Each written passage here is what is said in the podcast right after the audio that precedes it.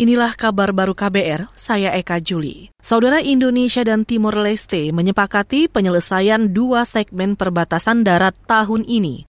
Menurut Presiden Jokowi, dua segmen perbatasan itu meliputi segmen Noel Besi Citrana dan Bijael Sunan Oben. Itu disampaikan Jokowi saat keterangan pers bersama Perdana Menteri Timor Leste Taur Matan Ruak di Istana Kepresidenan Bogor, Jawa Barat hari ini. Penyelesaian perundingan batas darat ini penting untuk dapat memulai perundingan maritim serta mendorong pembangunan PLBN di Opoli.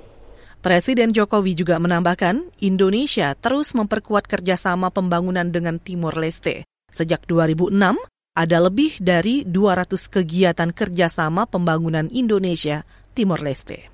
Kita ke Papua. Dua pendulang tewas saat banjir dan longsor melanda areal tambang PT Freeport di distrik Tembagapura, Papua Tengah akhir pekan lalu. Kapolres Mimika I Gede Putra mengatakan kedua korban adalah warga sekitar areal pertambangan. Keduanya hanyut saat banjir dan longsor melanda area itu. Di mil 74 ya, terjadi banjir. Jadi untuk korban jiwa itu dua yang masyarakat, tetapi bukan karyawan ya jadi non karyawan dari karyawan tidak ada. Jadi semuanya dalam kondisi aman. Pendataan ataupun uh, investigasi berkaitan dengan barang-barang atau segala macamnya belum bisa dilakukan secara maksimal.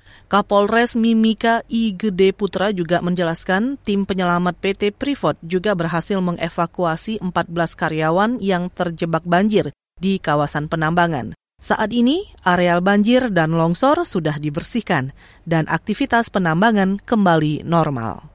Saudara Sangha Theravada Indonesia menyumbangkan sejumlah arca Buddha untuk Sri Lanka. Arca yang disumbangkan itu terdiri dari satu arca dan sepuluh arca kecil. Kedutaan Besar Indonesia di Kolombo, dikutip dari Antara, menyebut arca Buddha itu nantinya akan diletakkan di Pusat Meditasi Buddha Paramita Internasional di Sri Lanka. Duta Besar Indonesia untuk Sri Lanka, Dewi Gustina Tobing mengatakan, arca itu menjadi tanda terjalinnya persaudaraan antara Indonesia dan Sri Lanka. Persahabatan penganut Buddha Indonesia dan Sri Lanka telah berlangsung sejak abad ke-8. Saudara demikian kabar baru, saya Eka Juli.